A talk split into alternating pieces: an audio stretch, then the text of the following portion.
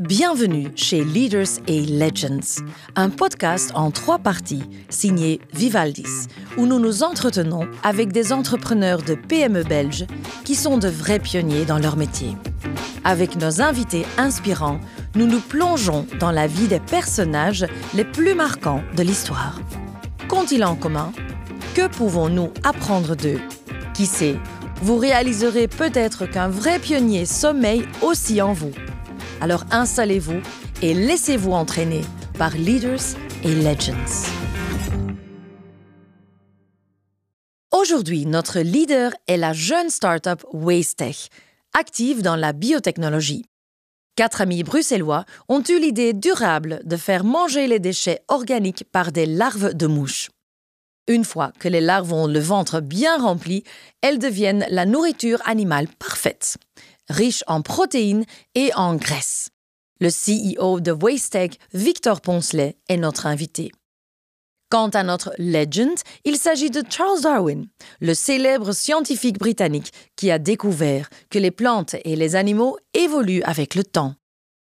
Et le point commun entre Darwin et WasteTech, c'est leur capacité à penser outside of the box et le fait qu'ils ont commencé jeunes. Darwin avait 22 ans quand il est monté à bord du Beagle pour son voyage autour du monde, et les quatre amis de WasteTech étaient à peine plus âgés quand ils se sont lancés dans l'aventure des larves de mouches. Ils partagent les mêmes idées non conventionnelles et sont hyper motivés. Outre leur capacité d'observation extrêmement pointue, ils sont parfois en proie au doute. Voilà qui est typique des pionniers les quatre amis de WasteTech étaient à peine plus âgés que Darwin quand ils se sont lancés dans l'aventure des larves de mouches. Ils partagent les mêmes idées non conventionnelles et sont hyper motivés. Voilà qui est typique des pionniers et des innovateurs révolutionnaires.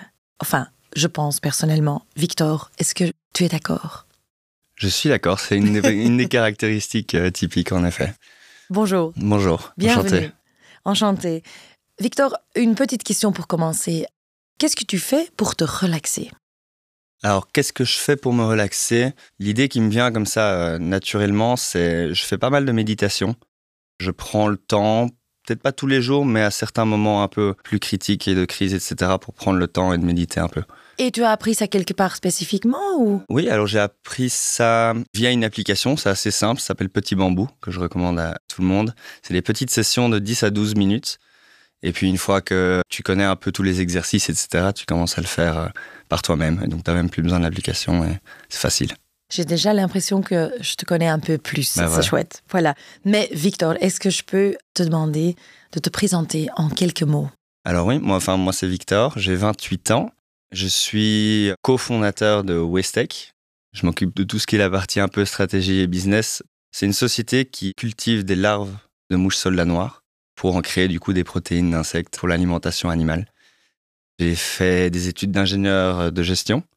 Et voilà, maintenant, ça fait trois ans qu'on est actif là-dedans et, qu'on se plaît beaucoup. Ok. Et alors, comme j'avais déjà expliqué avant, on veut parler un peu aussi d'un legend. Mhm. Et je vais vous euh, introduire euh, Darwin. Parfait, j'écoute. Alors, Savais-tu que c'est plutôt par hasard qu'il s'est retrouvé à bord du Beagle? Donc il a pris la place d'un scientifique qui n'avait pas envie de faire un aussi long voyage. Et le Beagle, le bateau, a emmené Darwin d'Angleterre en Amérique du Sud, en Australie et en Afrique du Sud. Il a littéralement fait le tour du monde à la voile et en un peu plus, je crois, de 4 ans.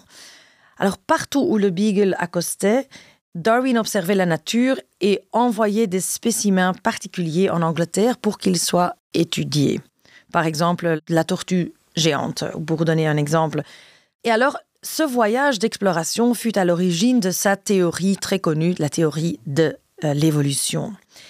Et je voulais savoir, est-ce qu'il y a un élément que vous reconnaissez, par exemple, de partir sur un voyage incroyable et d'essayer de chercher alors j'en vois deux. Un plus personnel euh, qui est le voyage. Mhm. Oui, je suis en effet parti euh, quatre mois en Inde et quatre mois en Amérique latine.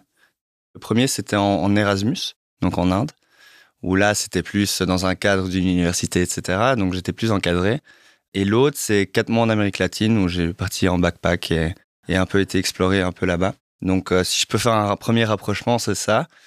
Sinon, le fait que notre idée de société se base et s'inspire en fait de la nature directement. Mhm. Parce que l'insecte dans la nature, bon, c'est pas spécialement connu de tous, mais c'est vraiment l'élément qui recycle les matières organiques, etc.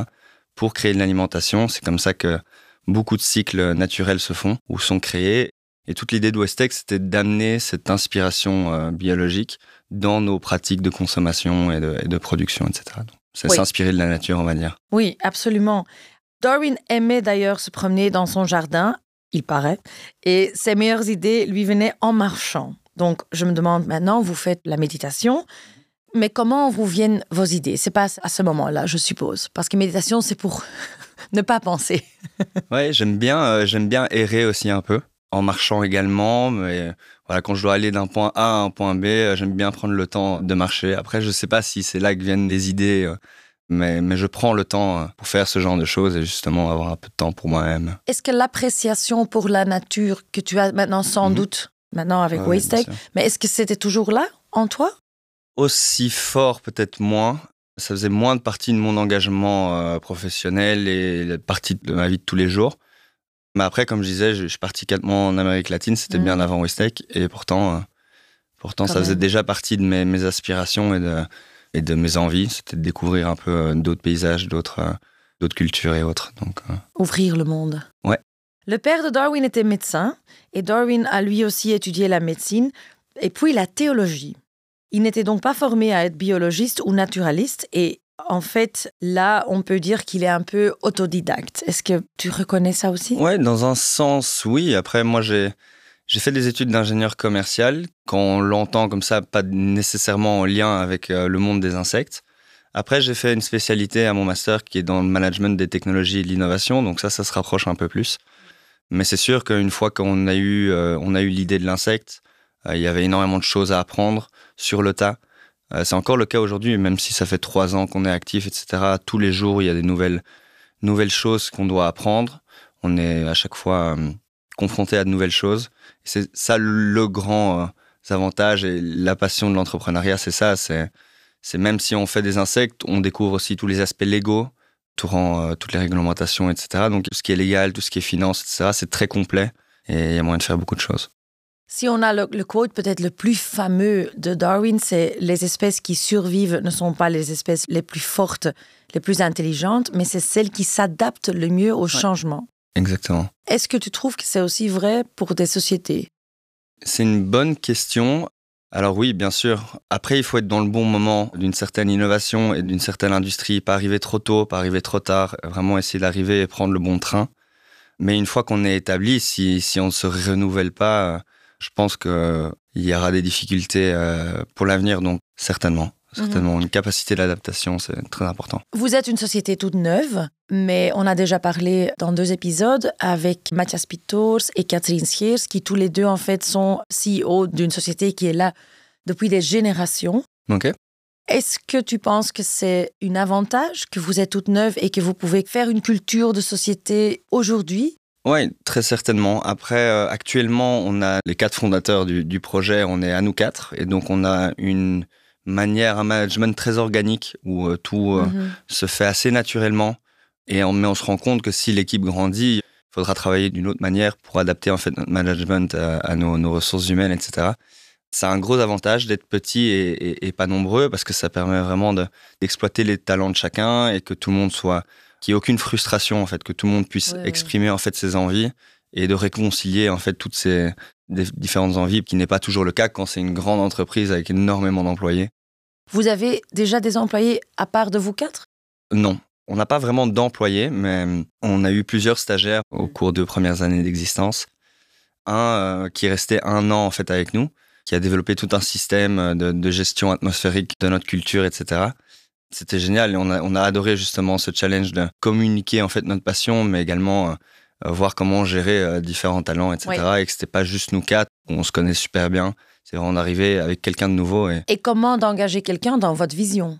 Exactement. C'est, à mon avis, la chose qui sera la plus importante dans nos engagements futurs, etc. C'est de trouver quelqu'un qui correspond tout à fait à- déjà à la vision du projet, mais aussi la manière dont on travaille. Et on peut assez vite ressentir, en fait, si, si la personne correspond au projet ou pas. On parlait des idées non conventionnelles. les idées de Darwin sur la sélection naturelle et l'évolution, peut-être aujourd'hui plus, mais quand même, à l'époque, vous vous imaginez que ils allaient à l'encontre des convictions religieuses, scientifiques euh, de son époque. L'idée que les espèces évoluent et que l'homme et le singe partagent un ancêtre commun était donc pas conventionnelle. Si on fait le petit approchement, est-ce que vous avez pensé à quelque chose à faire qui est non conventionnel? Je pense bien. Vous êtes venu avec quelque chose qu'on n'a même pas pensé à faire ça. Donc, est-ce que c'est une révolution dans votre euh, secteur? Non, pas nécessairement. Il y avait déjà des acteurs en place dans le monde des insectes, on n'est pas les premiers. Après, c'est plus la manière de voir la production qui est innovante de notre côté parce que on considère que créer des symbioses qui sont extrêmement locales, c'est vraiment ça qui va amener en fait l'industrie des insectes à rentrer dans nos vraies habitudes de consommation et de production. Quand je dis ça, c'est par exemple les acteurs qui sont en place actuellement, ils construisent des immenses usines qui sont très centralisées et donc les déchets sont acheminés en fait sur de longues distances pour aller alimenter en fait les insectes à cette usine. Et pour nous, euh, ça, même d'un point de vue économique, ça a très peu de sens parce qu'on euh, veut créer en fait un, vrai outil de revalorisation qui est local, qui engage du coup des acteurs locaux, que ce soit gérer les déchets d'un acteur local, mais également créer en fait une, source de protéines pour quelqu'un qui est très proche. Et c'est notre projet pilote qui est aux abattoirs d'Anderlecht, qui représente le mieux cette vision, qui est du coup assez innovante, parce que sur le site même des abattoirs, il y a un marché de fruits et légumes, donc il y a énormément de déchets de fruits et légumes on les revalorise à travers notre culture d'insectes. Et euh, directement, en fait, sur le toit du marché, il y a une euh, grande ferme aquaponique qui s'appelle Big Farm, qui élève des poissons et on peut directement servir les poissons euh, avec notre protéine. Donc c'est vraiment ces symbioses industrielles très locales qui, qui font que... C'est quand même l'innovation mhm. dans peut-être quelque chose qui existait. Exactement. Disons que c'est plus l'innovation dans le business model et pas dans la technologie elle-même. Après même, on essaie de créer notre propre technologie parce que les autres acteurs de notre secteur gardent ça bien secret, évidemment, et donc on peut mhm. rarement copier euh, parfaitement ce qu'ils font. Donc on a quand même de l'innovation technologique dans quoi qu'il arrive quand on essaie de créer nos produits et notre manière de, de produire et autres. Mais je dirais que c'est plus innovant dans le business model proposé. J'ai appris que Darwin était aussi bien conscient de l'impact et la controverse que ces théories pouvaient susciter, mais il a même attendu des années d'ailleurs de publier de l'origine des espèces. C'est parce qu'il y avait quand même des doutes, pas sur ses idées, mais sur est-ce que c'est le moment? Est-ce que vous reconnaissez ça? Oui. Après, nous, quand on a eu l'idée de créer Westec, on sentait que c'était déjà bien le moment. Donc, on n'a pas attendu parce qu'il y a déjà des acteurs qui existent depuis dix ans. Et eux, ils ont vraiment fait ce travail de pionnier où ils ont dû éduquer le marché. Ça, c'était très compliqué. Mais on sent que maintenant, en fait, c'est vraiment le moment où ça peut directement rentrer dans nos habitudes. Après, nous, on fait de l'alimentation animale avec nos insectes. Donc, on n'a pas tout ce côté euh, encore très rétractant des gens à qui ça, peut dégoûter, en fait, de manger des insectes parce que on donne nos insectes aux animaux et après, nous, que ce soit poules, vaches, etc., on mange à ce moment-là l'animal. Donc, on n'a pas ce côté psychologique qui est on va remplacer l'insecte dans vos assiettes. Mais donc ça veut dire que, en fait, pour avoir les protéines, mhm. on devrait manger des insectes Parce que tout le monde est en train de, chercher les protéines. ouais, mais c'est ça. Et je pense qu'on se rend pas encore vraiment compte parce que voilà, il y a déjà assez de soucis. Mais la crise de protéines, elle est prévue environ dans les alentours de 2050 ah parce qu'on a une population qui augmente énormément et on a de moins en moins de place sur Terre pour cultiver des protéines, que ce soit des protéines animales ou euh, végétales comme le soja, etc. Et donc, il faut trouver des nouvelles sources. Et l'insecte euh, en fait partie, c'est clair, parce que d'un point de vue espace que ça prend pour la culture, c'est hyper intéressant et ça peut du coup libérer de l'espace pour faire d'autres choses. Ok, faisons un peu un zoom in encore sur votre startup euh, Wastegg. D'abord, quelques chiffres sidérants que vous voulez voir changer peut-être. 10 millions d'hectares de forêt disparaissent chaque année pour y cultiver de la nourriture, entre autres le soya, non? Ouais, ouais. Oui, hein. Surtout. Ouais, ouais, ouais. 33% de la nourriture que nous produisons termine en déchets. Ouais, c'est juste. Ça, c'est fou. En fait, c'est sur toute la chaîne, et c'est pour ça qu'on s'en rend pas vraiment compte, c'est parce que c'est sur toute la chaîne de distribution alimentaire.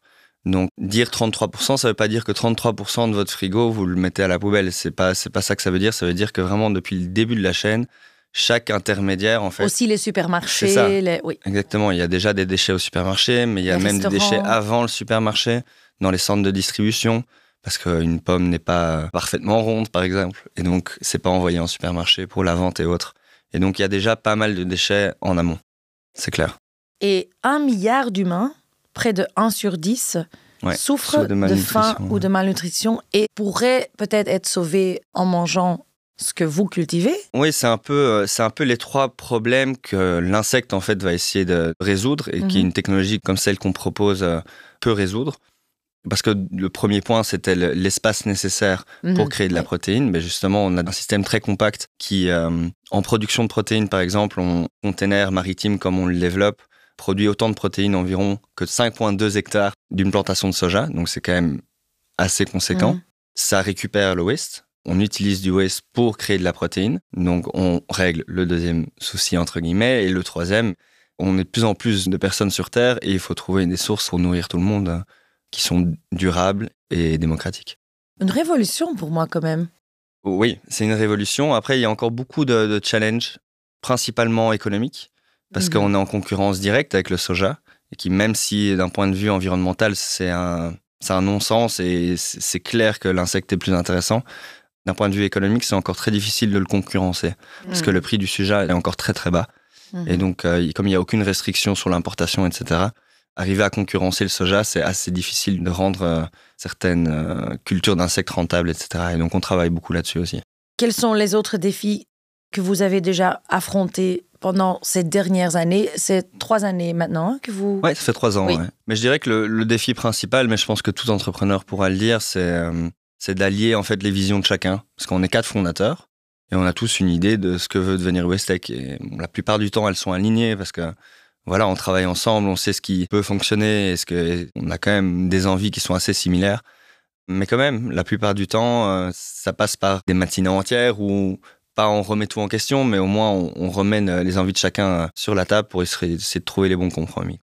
Est-ce que c'est difficile de construire une société avec des amis? Ça peut être une idée fantastique pour commencer, mais peut-être après. c'est comme avec la famille. Non, hein. c'est sûr, c'est sûr. Après, moi, j'y ai vu que du positif depuis euh, notre existence, donc c'est difficile à dire. Parce qu'on on est un groupe d'amis qui, qui. On arrive à faire la part des choses, donc on s'en sort plutôt bien. Enfin, quand, quand on est au boulot, on parle boulot. Et quand on est en dehors du cadre du travail, euh, Ah, vous vous voyez encore ouais, ouais, ouais, on est potes, on est potes. Est-ce qu'il y a une vision concrète et une vision long term? Mhm. Quel est le crazy dream? Le Crazy Dream, donc la vision concrète, plus court terme, etc., Mhm. c'est de développer en fait notre projet aux abattoirs. Donc là, ça fait trois ans qu'on a testé la technologie, qu'on a testé notre aliment. Tout semble fonctionner parfaitement. Et donc là, on est en fait un peu dans la recherche de fonds pour créer ce, ce projet aux abattoirs et de le rendre à échelle quasi industrielle. Et toute l'idée, c'est de prouver que ce genre de symbiose et de projet circulaire puisse fonctionner même d'un point de vue économique. Et l'idéal est, est du coup de dupliquer ce genre de système un peu partout que ce soit en coopération avec la ferme aquacole euh, avec qui on travaille, etc. Et vraiment essayer de créer en fait des hubs, on appelle ça des hubs, qui sont euh, en périphérie des villes, on va dire, plus ou moins, qui pourraient du, du coup créer de l'alimentation euh, très locale et, qui, et créer du coup une offre de protéines. Et le rêve long term? Le long terme, c'est de créer plein de hubs partout. Maintenant, vous êtes une société belge Ouais, c'est et ça. euh, elle est internationale. Est-ce qu'il y a déjà des grandes sociétés internationales qui sont intéressées, qui vous, vous connaissez déjà? Oui, on est en- on- déjà en discussion avec certaines. Bah, voilà, c'est des discussions euh, où ils savent que notre projet est intéressant. Après, c'est encore très, très immature, ce genre de discussion. Il n'y a pas vraiment grand-chose à dire. Mais c'est clair qu'on voit l'engouement que des géants agroalimentaires commencent à s'intéresser à l'industrie Mhm. des insectes. Et, et, et voilà. On espère qu'un jour, euh, il y en a une qui s'intéresse. Est-ce qu'on a trop peu utilisé la nature les dernières années Euh, Est-ce qu'on a, on s'est pas rendu compte? Bah oui, tout à fait. En fait, c'est toute l'essence de, no- de- de notre projet. C'est basé sur le biomimétisme, qui est en fait une théorie euh, assez bien développée, mais qui est très peu connue. C'est de s'inspirer en fait de certains phénomènes de la nature pour créer des systèmes pour les hommes qui peuvent très bien fonctionner. Parce que dans la nature, il n'y a rien qui se perd, tout se, tout se recycle et tout a une manière de collaborer, et d'avoir une symbiose qui fait que mais après des années et des années et des années, euh, des millions d'années, on a créé un équilibre qui est, qui est quand même assez remarquable. Il faut s'inspirer de tout ça pour, pour créer nos modèles euh, qui soient économiques. Ou... Alors là, on peut revenir chez Darwin, Mhm. qui disait les espaces qui s'adaptent. Peut-être c'est ça ce qu'on doit faire pour pouvoir survivre. C'est ça. Et puis, dès qu'on s'inspire en fait un, fort des phénomènes naturels, on, on rencontre assez souvent cette notion de résilience. Mmh. Et la Mmh. notion de résilience, c'est un système qui est résilient, c'est un système qui parvient à s'adapter à différents chocs. Donc ça, c'est la définition euh, Mhm. pure et dure, mais comme on va sans doute devoir rencontrer certains chocs, qu'ils soient climatiques ou autres, euh, autant créer déjà des systèmes résilients qui, qui puissent euh, s'adapter et puissent continuer à nous servir. euh. C'est la sélection naturelle. Tout à fait. Si on revient un peu à Wastech, tu dis que vous êtes quatre. Mhm. Un jour, le rêve, c'est que vous êtes euh, 2 millions. Mais pour contrater des gens, est-ce que tu as déjà une vision là? Je veux que tout le monde qui travaille chez nous soit point, point, point. Ou qu'il y a des certains critères, peut-être, des certaines qualités que vous cherchez vraiment alors? Après, c'est difficile à dire. J'ai l'impression que c'est plus un feeling. Et donc, euh, pas vraiment d'office se donner des caractéristiques. Je le vois un peu comme un, un partenaire amoureux. On va pas dire, Ouais. OK, je veux cette personne qui fait tac, tac, tac. C'est plus quelque chose que tu ressens assez rapidement dans l'interview et de se dire, euh, OK, ben, cette personne euh, coïncide avec les valeurs du projet.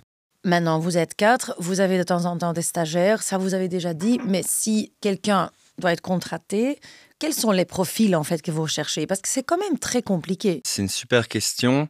On se rend compte, en tout cas dans les trois premières années euh, de notre développement, que s'il y a un profil plus technique, Mhm. ce sera sans doute dans tout ce qui est ingénierie industrielle, parce qu'on met en place des process technologiques qui sont compliqués et qui demandent pas mal d'automatisation, etc. Et donc, s'il y a vraiment un, un point sur lequel il faut jouer, c'est là-dessus. Un autre profil technique qui est important, c'est évidemment tout ce qui est biotechnologie. Il y a tous des processus de fermentation également du, de, de l'aliment qu'on va donner à, no- à nos insectes, etc. Donc il y a toute une... Mais également euh, les différents outputs qu'on va faire avec notre insecte. Il y a énormément de possibilités parce qu'on crée de la farine et des graisses. Mais par exemple, les graisses, elles peuvent être utilisées dans, dans tout ce qui est industrie cosmétique, etc. Et donc euh, il y a énormément de produits qui peuvent être développés grâce à notre matière première. Et donc voilà, ça c'est un profil aussi très important. Évidemment, on aura toujours besoin de, de- de mains fortes et de gens qui, qui puissent euh, comprennent comment une culture d'insectes fonctionne et qui est là au quotidien. On a beaucoup de machines, etc. Donc, il faut les réparer de temps en temps. Donc, c'est des profils ouais, euh, électromécaniques et même de production et des, gars qui savent mettre la main à la pâte, etc. Là, actuellement, on le fait nous parce que c'est notre projet, etc. Mais on se rend bien compte que quand c'est pas ton projet à toi, il faut, pouvoir proposer euh, quelque chose de sympa et, et on a besoin de ce profil euh, très clairement. Est-ce qu'il y a une qualité que vous avez tous les quatre, que vous avez déjà dit, eh ben, chaque personne qui vient travailler chez nous doit au moins avoir ce Oui, bah c'est la facilité de communication, je pense. S'il y a un souci, euh, bah même personnel, hein, on- bon là on est à quatre, on est potes et donc on sait, on sait un peu. Mais c'est clair qu'il doit se sentir plutôt bien parce que ça passe avant le boulot et même ça va affecter euh, tout son rendu professionnel, on va dire. Donc euh, c'est la manière de communiquer, que ce soit sur, sur son état d'âme ou autre au quotidien. Est-ce qu'il y a une autre société, grande ou petite, qui vous inspire?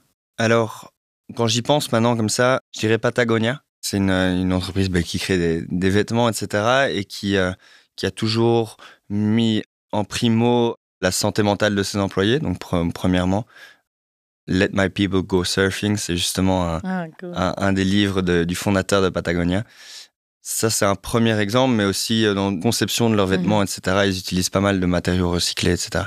Donc, si je peux en parler d'une, euh, je dirais Patagonia. ouais. Est-ce que pour terminer, tu as un conseil d'or pour euh, tout le monde qui commence avec une entreprise ou qui a l'idée de Mhm. peut-être faire... euh, Bah, je dirais que principalement, c'est de, de se rendre compte que même si euh, vous connaissez pas le sujet parfaitement, la question c'est quoi? C'est est-ce qu'on se lance ou on se lance pas? Et, et c'est très bien de se lancer sans avoir 100% de tout réglé à l'avance.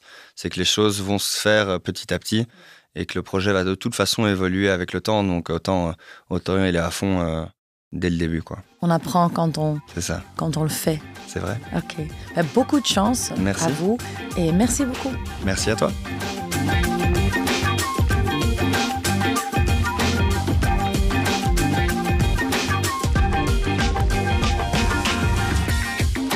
Vous avez apprécié cet entretien? Alors jetez un œil sur notre site web. Vous y trouverez plein d'inspirations et de conseils pour les entrepreneurs PME. Merci d'avoir été avec nous et n'oubliez pas de penser plus grand.